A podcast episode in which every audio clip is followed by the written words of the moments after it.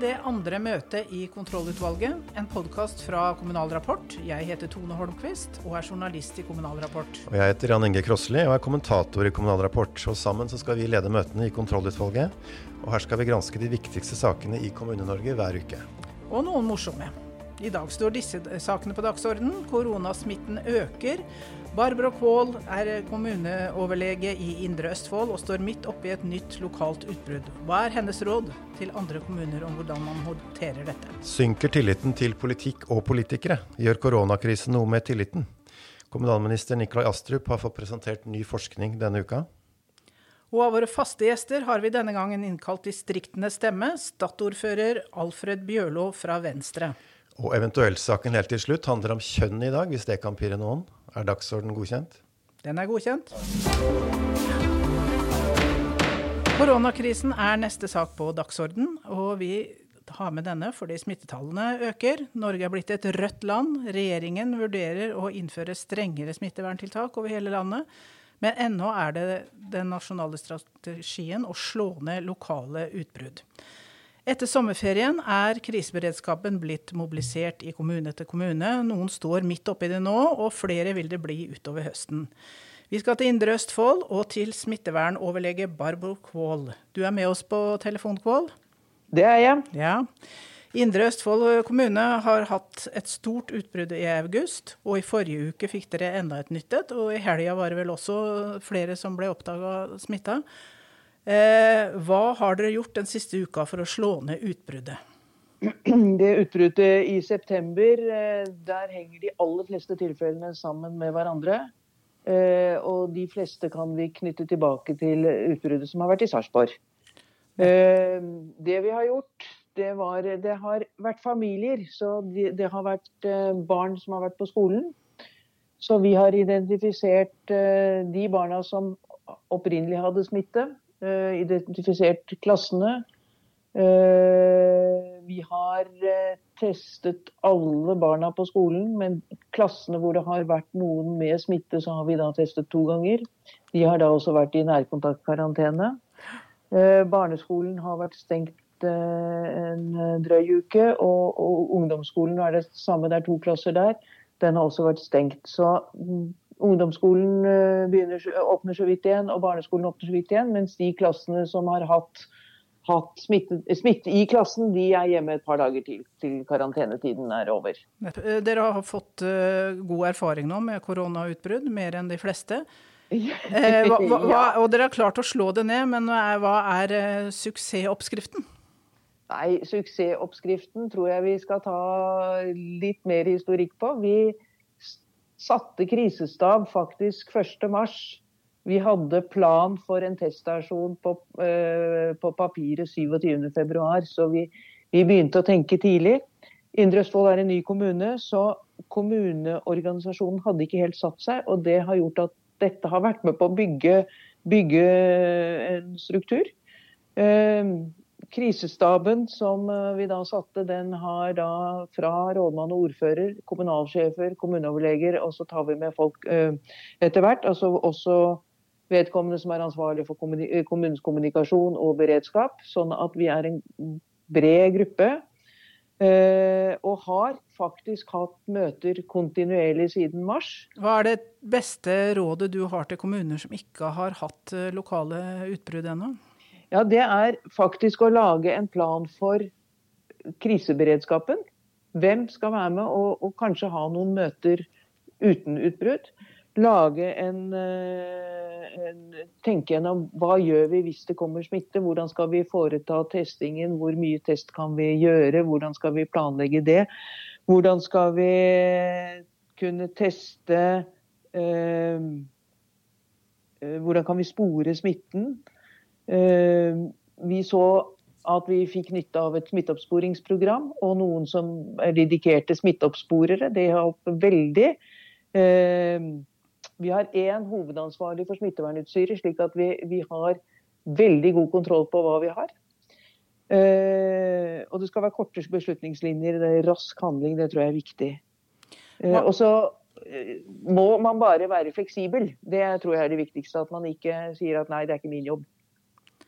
Hva har vært de vanskeligste valgene dere har tatt? Jeg syns det vanskeligste har vært å stenge sykehjemmene. Jeg ser at det er en sårbar gruppe. Sårbar på den måten at de kan bli alvorlig syke hvis de får smitte, så det er på den ene siden. Men også en gruppe som fort blir ensomme og med lite stimulering taper mye i, i sin, uh, sin, hverdag.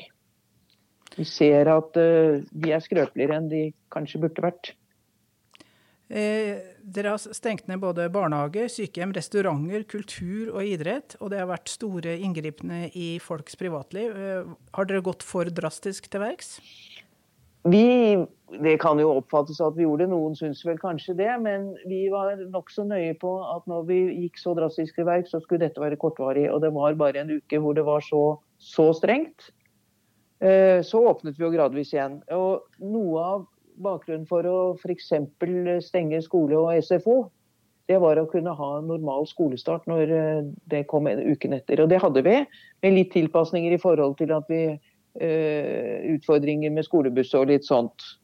Uh, vi åpnet igjen for arrangementer.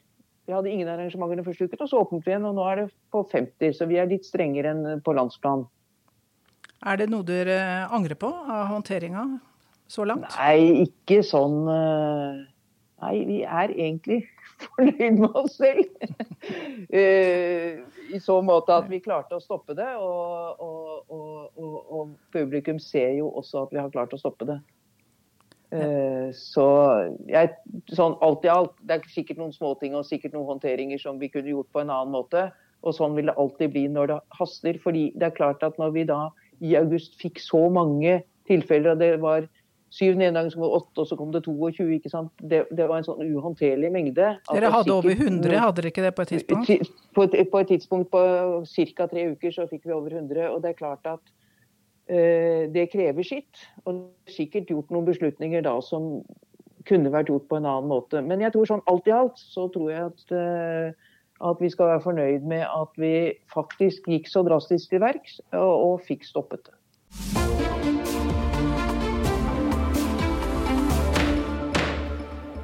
Nå skal kontrollutvalget ut på en kort befaring. Vi går bort til Kommunaldepartementet, hvor kommunalminister Nikolai Astrup skal få overlevert ny forskning om folks tillit til politikk og politikere. Vi skal snakke med statsråden og med forskere. Prosjektleder Signe Bock Segård, forsker ved Institutt for samfunnsforskning. Dere svarer både ja og nei på spørsmålet om det er grunn til å være bekymra for tilliten til demokratiet. Kan du først si litt om hvorfor det ikke er noen grunn til å være bekymra? Altså, faktum er at øh, den politiske tilliten i Norge fortsatt er forholdsvis høy. Særlig når vi sammenligner med landene rundt oss og i verden ellers. Så vi ligger ganske høyt øh, sånn nivåmessig. Mm. Så derfor skal vi ikke svartmale bildet altfor mye heller. Ja. Og så er det en tilbakegang fra et veldig høyt nivå rundt uh, terrorhandlingen i 2011. ikke sant? Det er helt riktig. Altså, vi er tilbake til et nivå til rett etter 2011, øh, hvor vi jo så at tilliten til våre politikere, både lokalt og nasjonalt, steg ganske kraftig. Mm. Og så skal det ikke være blind tillit heller? Det skal ikke være blind tillit heller, nei. fordi vi har bruk for de kritiske røster i et demokrati. Og vi har også bruk for at demokratiet er åpen for de her kritiske røster. Mm. Fordi, eh, som jeg har sagt flere ganger, lukkethet har en tendens til å egge til mistillit. Og det skal vi helst unngå. Men Hva er dere bekymra for? Hvilken, hvilke utviklingstrekk? Det vi er bekymret for, det er at uh, vi ser en liten tendens til at uh, tilliten den faller generelt sett. Det er ikke den største bekymring. Den største bekymring er at den tilliten den faller mest blant dem som i utgangspunktet har minst tillit til det politiske systemet, til våre lokale politikere, til våre nasjonale politikere. Det er en bekymring. Fordi forskjellen mellom ulike befolkningsgrupper øker i deres uh, Eh, tillit. Tilliten er litt større til lokale politikere og lokaldemokratiet. Kan man på en måte bruke lokaldemokratiet til å styrke tilliten til demokratiet generelt? Altså øke tilliten generelt? Ja, altså Vi kan i hvert fall ikke se bort fra at det lille demokrati henger jo gjerne sammen med det store demokratiet også. Dem der engasjerer seg i øh, nærdemokratiet, i det lokale demokrati, er også interessert i det store demokrati. Så kan vi vekke interessen for lokaldemokratiet, jamen så vekker vi også en interesse for øh, politikk mer generelt. Og det ser vi. Og vi ser også, og vi vet fra før, at lokaldemokratiet ofte er en skole i demokrati, som man sier. Mm. For krisetider skaper jo mer samhold og samling rundt politiske ledere, og det ser vi vel nå.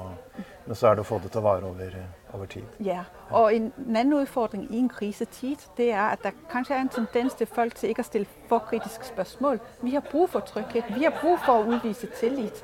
Men desto viktigere er det at samfunnet og demokratiet åpner opp for debatt, selv i krisetider. Mm. Takk for det, Signe Bokk Segård.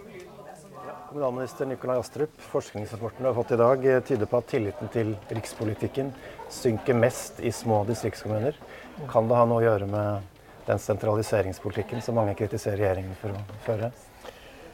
Altså det rapporten viser, er heldigvis at det er høy tillit generelt sett i det norske samfunnet til våre demokratiske institusjoner og det politiske systemet, og det er jeg veldig glad for. Så viser den også at eh, de som hadde lav tillit fra før, har enda mindre tillit nå. Eh, det er urovekkende og noe vi må ta på alvor. Eh, og jeg tror alle, både politikere og politiske partier, må tenke gjennom hvordan vi kan bidra til mindre fremmedgjøring. Mm. Eh, og nå ut til flere. Det at 10-14% aldri stemmer ved valg, eh, er åpenbart en, noe vi bør bekymre oss for. Hvilke tiltak kan man tenke seg å, å sette inn for å motvirke denne utviklingen? Jeg tror det må jobbes på bred front. Det er ikke ett enkelt tiltak som kan løse dette. Jeg tror det handler om eh, det politiske ordskiftet. Jeg tror det handler om hvordan de politiske partiene jobber med å få frem et mangfold av kandidater og bygge tillit til dem. Vi ser at tilliten er høyere til lokaldemokratiet. Mm. Kan lokaldemokratiet brukes til å styrke tilliten til demokratiet generelt? Altså med medvirkningsordninger? Ja, jeg tenker det. At, eh, ja, medvirknings, medvirkningsordninger har de jo sett på og kommet frem til at det ikke virker. Ok. Det eh, Så det er jo veldig interessant, for vi har jo testet ut mange medvirkningsordninger. Vi har en egen satt av midler til nettopp det, eh, men eh, konklusjonen virker å være at det ikke har så stor betydning. Men det er jo bra at velgerne har tillit til sitt lokaldemokrati, og det er noe å bygge videre på. Og så er det spørsmål om hvordan vi som Eh, rikspolitikere også kan eh, bidra til å bygge tillit rundt det politiske systemet. Så vil jo tilliten til enkeltpolitikere komme og gå, og sånn skal det være. Men det alvorlige er jo tilliten til det politiske systemet. At vi har demokratiske, demokratiske, institusjoner som fatter beslutninger som er relevante for alle som bor i Norge. Mm. Og det er åpenbart en mindre gruppe som føler at det ikke er tilfellet. Mm. Takk skal du ha, Nikolai Astrup. Bare hyggelig.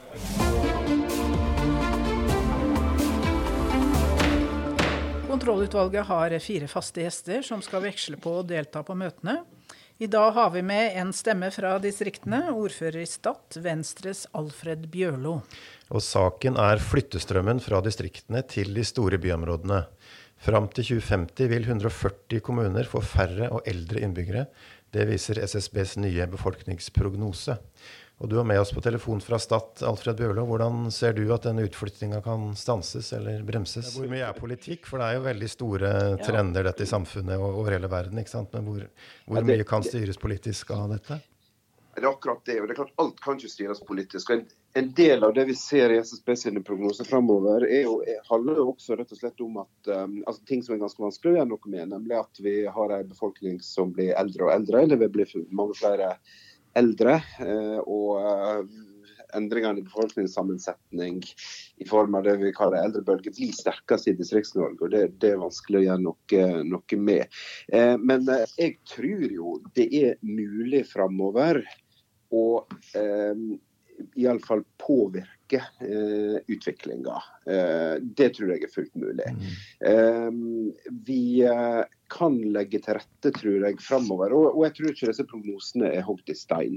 Altså, jeg tror ikke samfunnstrender vi har sett over mange år, nødvendigvis vil fortsette slik inn i evigheten. Her er også en del trender som går i en motsatt retning. Ny, ny teknologi gjør det lettere for mange å bo hvor som helst i landet. Mm. Eh, vi begynner å se noen nå tendenser, særlig internasjonalt, etter den spesielle året vi har vært igjennom. Ja, hva kan koronakrisen bety for flyttemønstrene? Altså, det har jeg har fulgt litt med britiske aviser siste ukene. Uh, der er en ganske interessant debatt på gang. Da, der du, altså Undersøkelser nå viser at så mange som en tredjedel av alle som bor i, stor, i London, nå uh, seriøst i løpet av de siste månedene har sett på muligheten for å flytte vekk og flytte ut til plasser der en har mer rom rundt seg. Mm. Eh, og Du begynner å se denne type trender, særlig de største. Du ser det jo kanskje selvfølgelig først i de store metropolene, men jeg tror disse og Det merker jeg òg når jeg snakker med unge folk som har vært hjemme i sommer det er en helt annen måte mange tenker på om framtida og hva en vil ha ut av livet. Folk er litt redde, eh, redde, for å bo for tett. Altså, som du sier, så gjør jo ja. bredbånd gjør jo at man kan jobbe og bo litt uavhengig av sted. da. Ja, ikke sant? Og Det er en kombinasjon av flere ting. at kanskje, altså, Hvordan har fått gitt deg en backer og tenke på hva er det egentlig som er viktig i livet? Hva ønsker du å ha rundt deg? Hva er ulempene med å bo ekstremt tett og lukka inne, være avhengig av type å være stappa sammen på en uh, kollektivtransport hver dag på vei til jobb, sitte i en trang leilighet. Altså, her er noen ting her. Det vil selvfølgelig ikke gjøre at byene blir tømt og millionvis strømmer ut på nyttårsnøgne øy, det er ikke det jeg sier. Men jeg tror likevel at vi vil se en vi kan se noen endringer her framover, altså. Eh, men det krever da altså Det jeg tror unge folk ikke vil gi opp, er det at du ønsker spennende jobber, interessant karriere. Du vil ha det du kan kalle en del urbane kvaliteter med eh, mulighet til å ha et godt kulturtilbud, fine plasser. Eh, og det du snakker om nå, eh, det er det som er, bør være innholdet i distriktspolitikken? da? Jeg tror Veldig få ungdom og veldig få jenter. Vi er tilbake til ei bygd der eh, idealet er å skyte, skyte ender med blyhagl og drepe ulver og kjøre rundt på ATV-en sin og latterliggjøre elsykler i bygdene, sånn type sånn Senterpartiets symbolsaker. Altså, men altså, men uh, Bjørlo, et, et, annet spørsmål. Eh, Eid og Selje ble til Stad kommune ved nyttår. Dere fikk større kommuner. Trenger eh, distriktene større kommuner? Det, tror du det er en del av svaret? Ja, eh, jeg mener jo det, da. Eh, at du, det en del av det en må gjøre utover Distrikts-Norge. Og det handler om iallfall to ting. Det ene er at eh, vi må ha større kapasitet og kompetanse på utviklingsoppgave, plan, plan og utviklingsoppgave utover i kommunene. Det er en stor, stor bøyg for mange små distriktskommuner. Just, eh, vi må vi må kunne ha rom til å arbeide med de langsiktige utviklingsoppgavene. Eh, og, og, og, da trenger du større fagmiljø, uansett hvor det er å banne i kirka for en del. så trenger du Det Det andre er dette at det blir, det blir eh, ek ekstremt tøffere krav til å drive tunge kommunale tjenester i åra framover. Særlig pga. eldrebølger. Du får flere eldre, flere kronisk syke. Eh, skal vi greie å ta skikkelig godt vare på eh, de som trenger mest hjelp i åra framover, så må kommunene være rigga til å gjøre det. Vi må ha spesialkompetanse på Og jeg, jeg, er sikker på at dette er veien å gå, men det er klart, i starten er det mye armer og bein og enormt mye som skal, som skal gjøres. Så det tar nok tid å få ut alle de effektene vi ønsker å gjøre av det, men at det, det er riktig å gjøre det, det er jeg helt overbevist om. Ok, Da sier vi takk til Alfred Bjørlo fra Stad, og vi kommer nok til å diskutere distriktspolitikk mer fram mot valget neste år. Takk. Ja, Har du en sak til eventuelt i dag, Tone? Ja, jeg tenkte vi kunne hjelpe regjeringa litt med å treffe en beslutning. Ja, Om hva da? Om ny tittel for Fylkesmannen. For den skal ikke være mann lenger. Nei. Hen skal få en kjønnsnøytral tittel. Og det er kommet til mange forslag, og snart så skal regjeringa bestemme seg? Ja, de skal jo snart, eh, må jo det. For at eh, det skal jo tas i bruk fra 1.1.2021. Så nå skal jeg pitche deg noen fine forslag fra høringsrundene. Og dette er forslag som folk har sendt inn. Hva syns du om uh, lovens lange arm i ett ord? Litt drøyt, syns jeg. Det er litt kriminelt, dette her. Innsigelsesdirektør. Ja, Det er gjenkjennelig for mange. Høvding. Jarl. Kansler. Historisk sus, men eh, litt pompøst, kanskje. Kansler er tysk. Ja. Eh, fylkesmennene sjøl har foreslått eh, disse navna. Statsdirektøren i Agder, Statsforvaltningsdirektøren i Møre og Romsdal. Ja, der, ja. ja. Jeg frykter at det blir et langt navn som det er helt umulig å huske. Guvernøren i Innlandet.